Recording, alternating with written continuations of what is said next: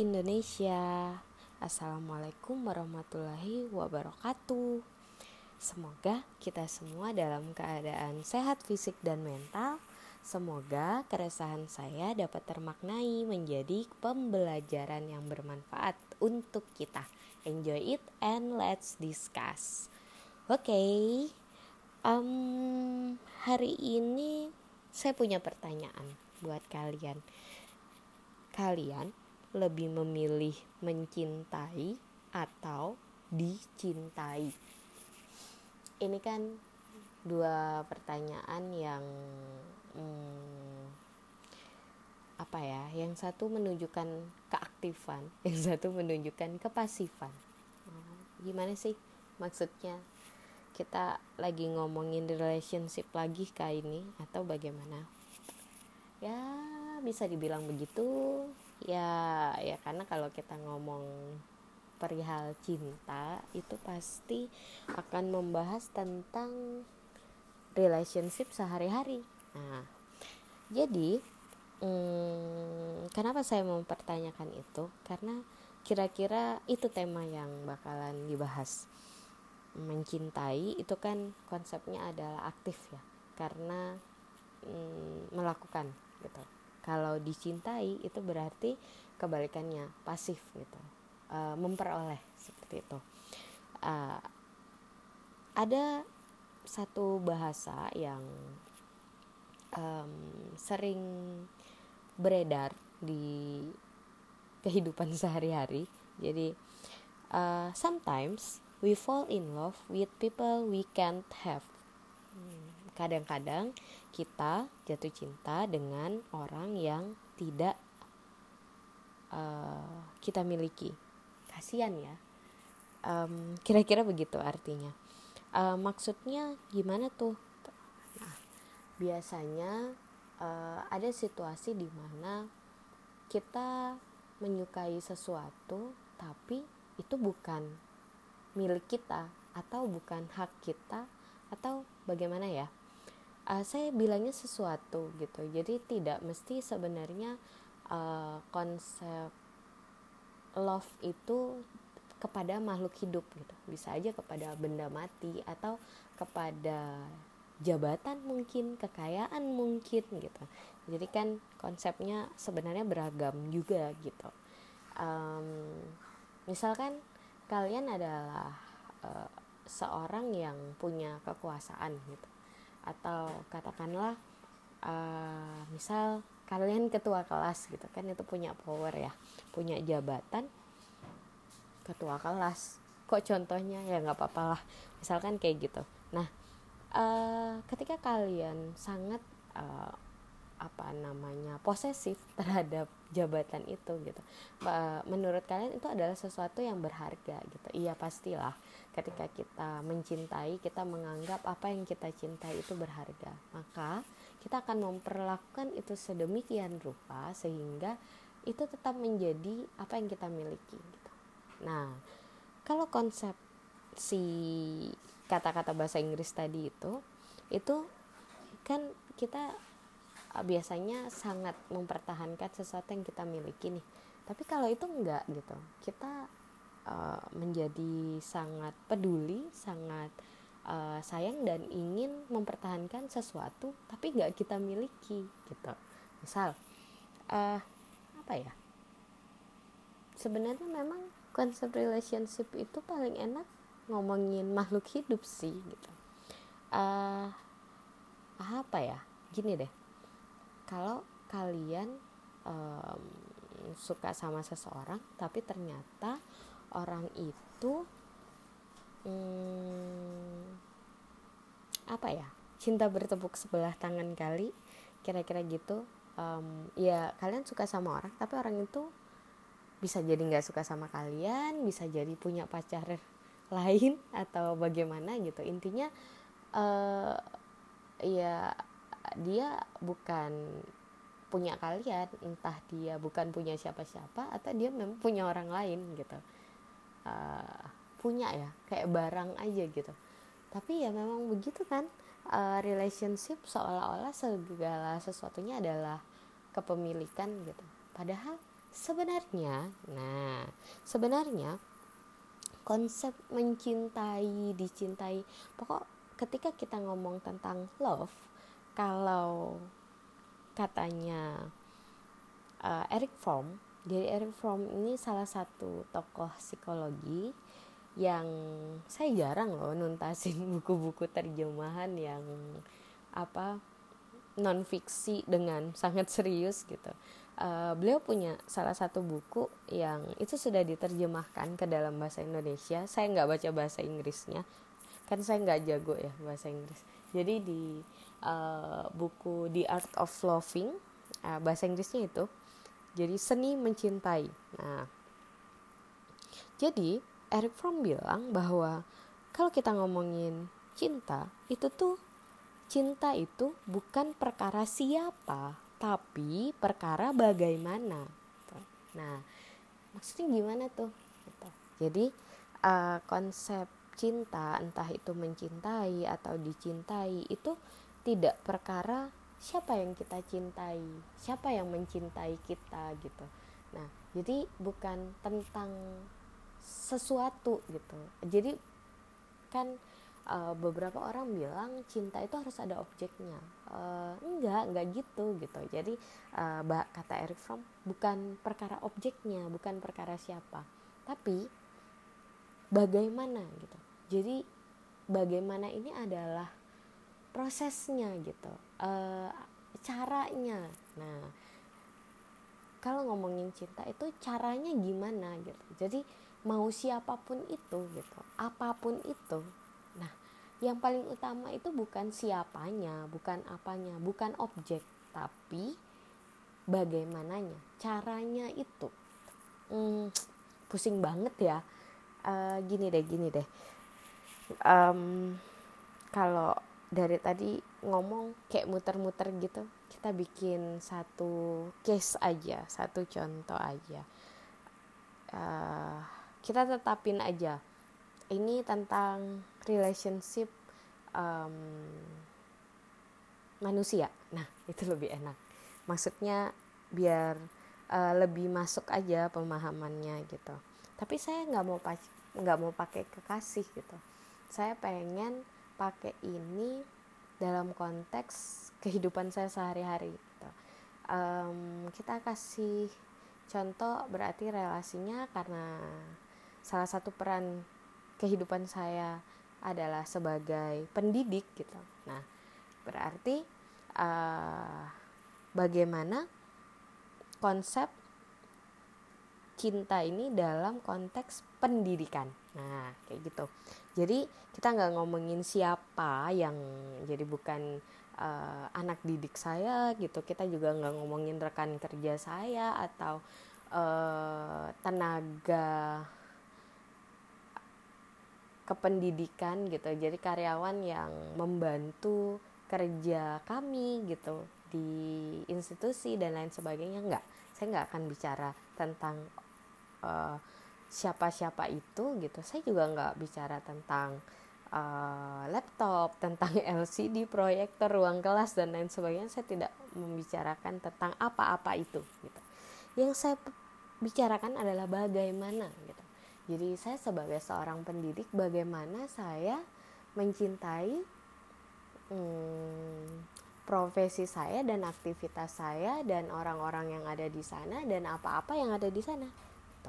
Nah, bagaimananya ini karena kata Eric Fromm kita hari ini bahasnya tentang Eric Fromm sih. Jadi katanya Eric Fromm itu kan uh, perkara mencintai itu kan adalah satu bentuk seni seni itu artinya uh, cara menuju ke sana gitu gimana sih uh, step-step hmm, bisa sih bisa sih diomongin dengan step-step mencintai tapi nggak gitu juga gitu. Ada empat cara gitu. Nah empat cara ini bukan step. Kalau step itu kan tahapan ya berarti berurutan. Kalau ini enggak uh, empat ini adalah uh, sesuatu yang harus ditunjukkan gitu, harus dilakukan ketika kita mengatakan bahwa yes I love I love him I love her I love them uh, siapa pun gitu apa pun. Nah jadi ada empat caranya. Yang pertama perhatian. Uh, perhatian artinya kita mem memberikan apa ya waktu lebih energi lebih pikiran lebih emosi yang lebih gitu terhadap itu gitu. Jadi uh, kenapa saya tadi mengkontekskan di pendidikan gitu. Karena ini adalah kehidupan saya. Saya mau mencontohkan uh, dalam aktivitas saya sehari-hari gitu. Sejak saya telah membaca The Art of Loving saya berpikir oh itu sangat relate banget.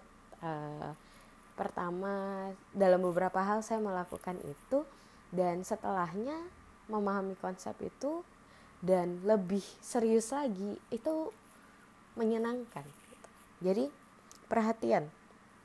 Hmm, karena saya hidup di uh, situasi pendidikan gitu. Jadi memberikan perhatian artinya uh, saya hadir penuh dan sadar penuh pada situasi pendidikan yang ada di sekitar saya. Bagaimana kalau di perguruan tinggi itu kan ada istilah tridharma perguruan tinggi gitu jadi Tridharma ini adalah tiga bakti yang harus dilakukan dalam pergura, eh, di perguruan tinggi di lingkup pendidikan. Jadi tidak hanya pendidikan, tapi ada penelitian dan ada pengabdian. Gitu. Nah, eh, memfokuskan kepada tiga hal ini gitu untuk uh, apa namanya dunia pendidikan itu adalah bentuk cinta saya terhadap pendidikan. Jadi ya ketika mendidik gitu saya bilangnya mendidik gitu bukan tra sekedar transfer of knowledge. Jadi gimana caranya gitu? Uh, dengan konteks memberikan uh, apa namanya pemahaman dan membantu uh, anak bangsa menjadi lebih baik. Kira-kira kayak gitulah. Terlalu ideal mungkin pengertiannya. Mungkin tidak sekaku itu tapi ya yeah, that's what I mean. Oke. Okay. kemudian penelitian gitu. Jadi karena ini adalah lingkup akademik keilmuan maka harus dikembangkan gitu. Keilmuannya gitu. Apa sih uh, yang up to date dan lain sebagainya? Terus pengabdian gitu Nah, saya harus mengabdikan diri dong gitu. Jadi ilmu pengetahuan ini bukan milik saya pribadi. Saya belajar tidak untuk saya pribadi, tapi bagaimana caranya itu tersebar luas dan bermanfaat untuk kita semua sebagai makhluk hidup. Oke. Kira-kira begitu, memberi perhatian. Kemudian yang kedua, tanggung jawab jadi setelah memberikan perhatian gitu saya bersungguh-sungguh dalam karena di dunia pendidikan berarti dalam pendidikan penelitian dan pengabdian kemudian saya bertanggung jawab untuk itu gitu saya siap uh, untuk menjelaskan dan uh, apa menghadapi konsekuensinya tidak ada satupun perilaku tanpa konsekuensi gitu. entah itu hal baik yang menurut aturan sosial baik atau yang menurut aturan sosial buruk gitu. Misal, ketika saya memukul orang, nah pasti ada konsekuensinya dong gitu. Konsekuensinya saya mungkin dipukul balik, saya dimarahi, saya masuk penjara atau apalah itu gitu. Kayaknya berlebihan deh ya masuk penjara karena mukul orang. Gitulah kira-kira. Nah, ketika misal saya membantu orang lain menyelesaikan pekerjaannya, juga ada konsekuensinya. Pertama, saya diberi ucapan terima kasih. Kedua, bisa jadi saya malah dihujat gitu. Kamu ngapain sih uh, ngerjain pekerjaan yang bukan kerjaanmu gitu? Kamu salah gitu. Kemudian dikucilkan, uh, berdiri di pojok ruangan, terus habis itu nggak ada temennya. Nah, kira-kira begitu. Banyak hal. Artinya, apa pun konsekuensinya, itu sesuai dengan apa yang kita lakukan. Karena tidak ada satupun perilaku tanpa konsekuensi. Dan saya bersedia menerima itu gitu. Saya menyadari bahwa uh, ketika saya ada di lingkup pendidikan gitu saya harus berinteraksi. Tidak hanya gitu uh, ketika di kampus tridharma itu ada tiga loh gitu. Nggak cuma ngajar aja nggak cuma pendidikan. Kamu juga tetap harus penelitian dan harus pengabdian gitu dan it's fine gitu. Karena itu bagian dari sesuatu yang katamu mencintai. Prosesnya memang begitu gitu. Nah jadi setelah saya memberikan perhatian saya pun harus bertanggung jawab dengan perhatian yang saya berikan gitu.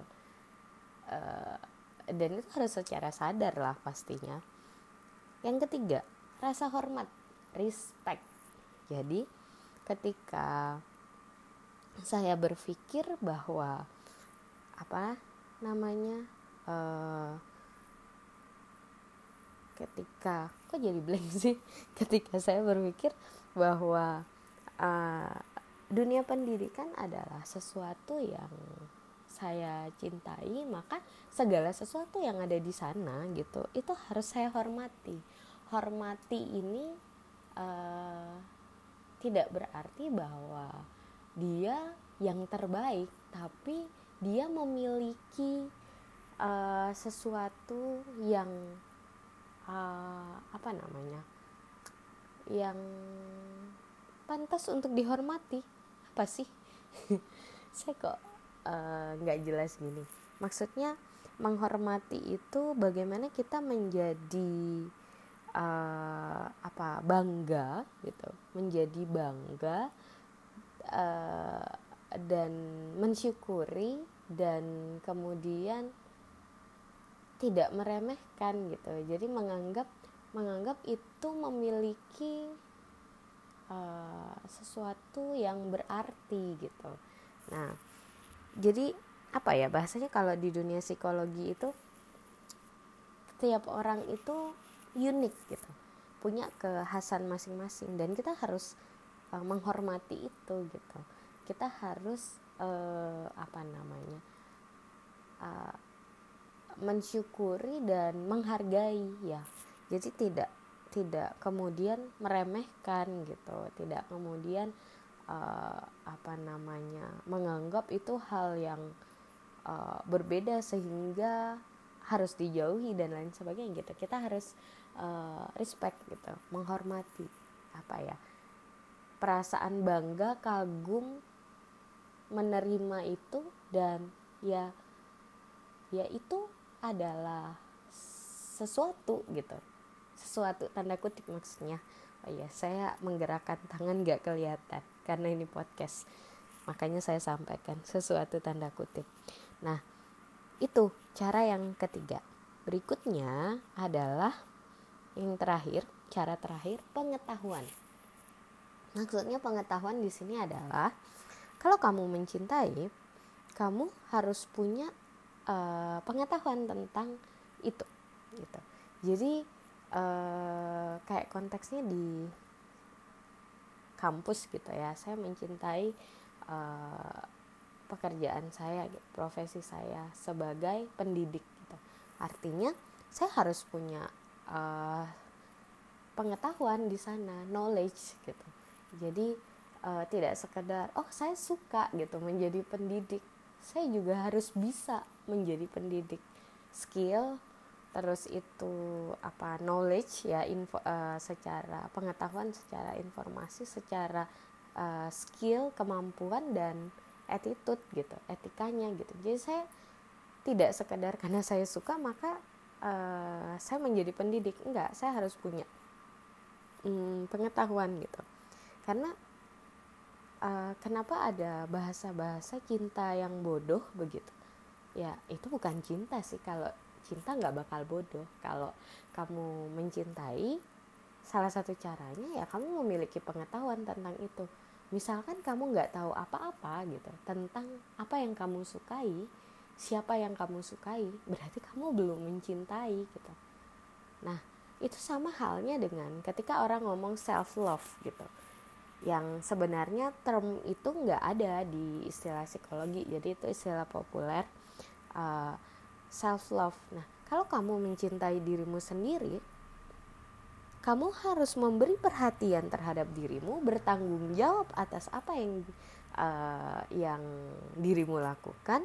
kamu punya rasa hormat atau kamu menghargai dirimu sendiri atau self esteemnya tinggi kalau bahasa kerennya dan kamu punya pengetahuan. Kamu tahu siapa dirimu gitu.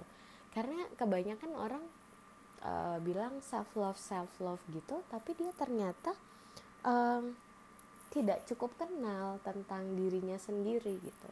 Saya sayang kok sama diri saya sendiri. Atau mungkin uh, ketika kamu ngomong sama pacarmu gitu saya sayang sama kamu gitu.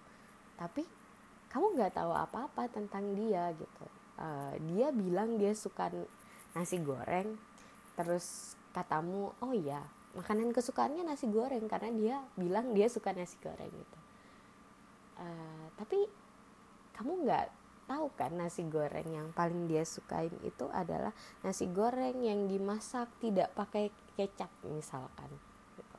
jadi pakai saus aja nah kamu nggak tahu itu gitu karena kamu tidak uh, misalkan ya misalkan. Karena kamu tidak apa namanya mengamati itu gitu. Dan ya kalau bahasa bahasanya sih gini kamu nggak nanya gimana aku mau bilang gitu. Atau uh, kan kadang nggak semua orang tanpa ditanya itu langsung menjelaskan siapa dirinya. Atau bisa jadi ada orang yang menjelaskan dirinya bukan dirinya. Gimana sih dia memberitahu orang lain sesuatu yang sebenarnya uh, tidak 100% benar mungkin atau sama sekali bohong mungkin dan lain sebagainya. Nah uh, termasuk bagian dari cara mencintai ketika kamu benar-benar tahu gitu. Jadi memiliki pengetahuan yang itu bukan hal yang uh, persona atau bukan topeng dari si uh, pasanganmu ini gitu. Pengetahuan itu penting? Maksud saya bagaimana bisa kamu mengaku-ngaku kamu menyukai sesuatu atau seseorang tapi kamu nggak tahu apa-apa tentang itu gitu. Apanya yang disukai gitu. Bener mencintai itu nggak perlu alasan. Saya setuju sih bagian itu gitu. Tapi mencintai itu perlu cara. Nggak perlu alasan memang perlu cara dan objeknya tidak mesti harus uh, sekaku itu gitu. Uh, maksud saya tidak sekadar pada orang tertentu atau uh, pada objek tertentu gitu. Walaupun memang uh, terkadang kita itu perlu objek gitu untuk menunjukkan. Nah tapi dalam beberapa hal yang kenapa saya uh, pengen banget gitu membahas tentang uh, art of lovingnya Eric Fromm. Karena uh, memang benar kita mencintai itu nggak mesti ada siapanya gitu. Tapi bagaimananya uh, katakanlah dalam konteks kehidupan saya begitu. Sepanjang saya hidup ya ketemu manusia lihat uh, situasi terus habis itu menemukan apa-apa begitu. Mungkin karena terbiasa memandang bahwa segala sesuatu itu punya hebatnya masing-masing gitu. Uh, unik tadi yang saya bilang. Nah jadi ketika misalkan saya melihat seseorang bertemu dengan seseorang atau sesuatu itu wow gitu jadi ada aja gitu dari mereka yang wow gitu. Sehingga ya untuk menjadi apa namanya membuat rasa hormat itu uh, mudah banget di saya gitu. Uh, pada apa pun jadi tidak tidak harus objek tertentu gitu. Uh, kemudian pengetahuan. Nah ketika uh, sesuatu itu kemudian menjadi perhatian saya atensi ya uh, membuat saya tertarik kemudian uh, ya apa ya kayak udah kebiasaan aja ya kalau saya tertarik masa saya nggak tahu apa apa jadi ini gimana nih? Terus dan lain sebagainya terus saya akan menjadi uh, kamu butuh apa? Ayo gitu. Uh, saya bantu atau uh, ini uh, saya temani dan lain sebagainya atau saya kerjakan atau apalah gitu. Nah jadi perhatian dan kemudian saya harus bertanggung jawab karena segala sesuatu yang saya berikan perhatian terus saya cari pengetahuan tentang itu dan menurut saya keren gitu saya hormati ya itu secara sadar. Jadi saya bertanggung jawab. Ketika diminta pertanggungjawaban gitu saya bisa aja gitu. Kan dilakukan dengan sadar.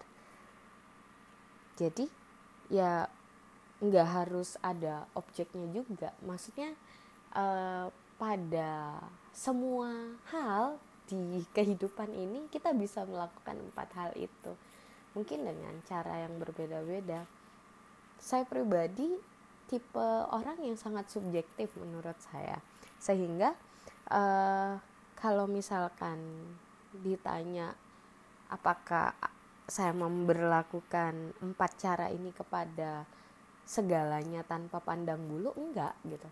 Maksudnya ketika itu tidak cukup menarik perhatian saya atau saya tidak punya interest gitu atau ada uh, sesuatu yang nggak suka aja gitu tanpa ada alasan yang jelas ya saya males gitu.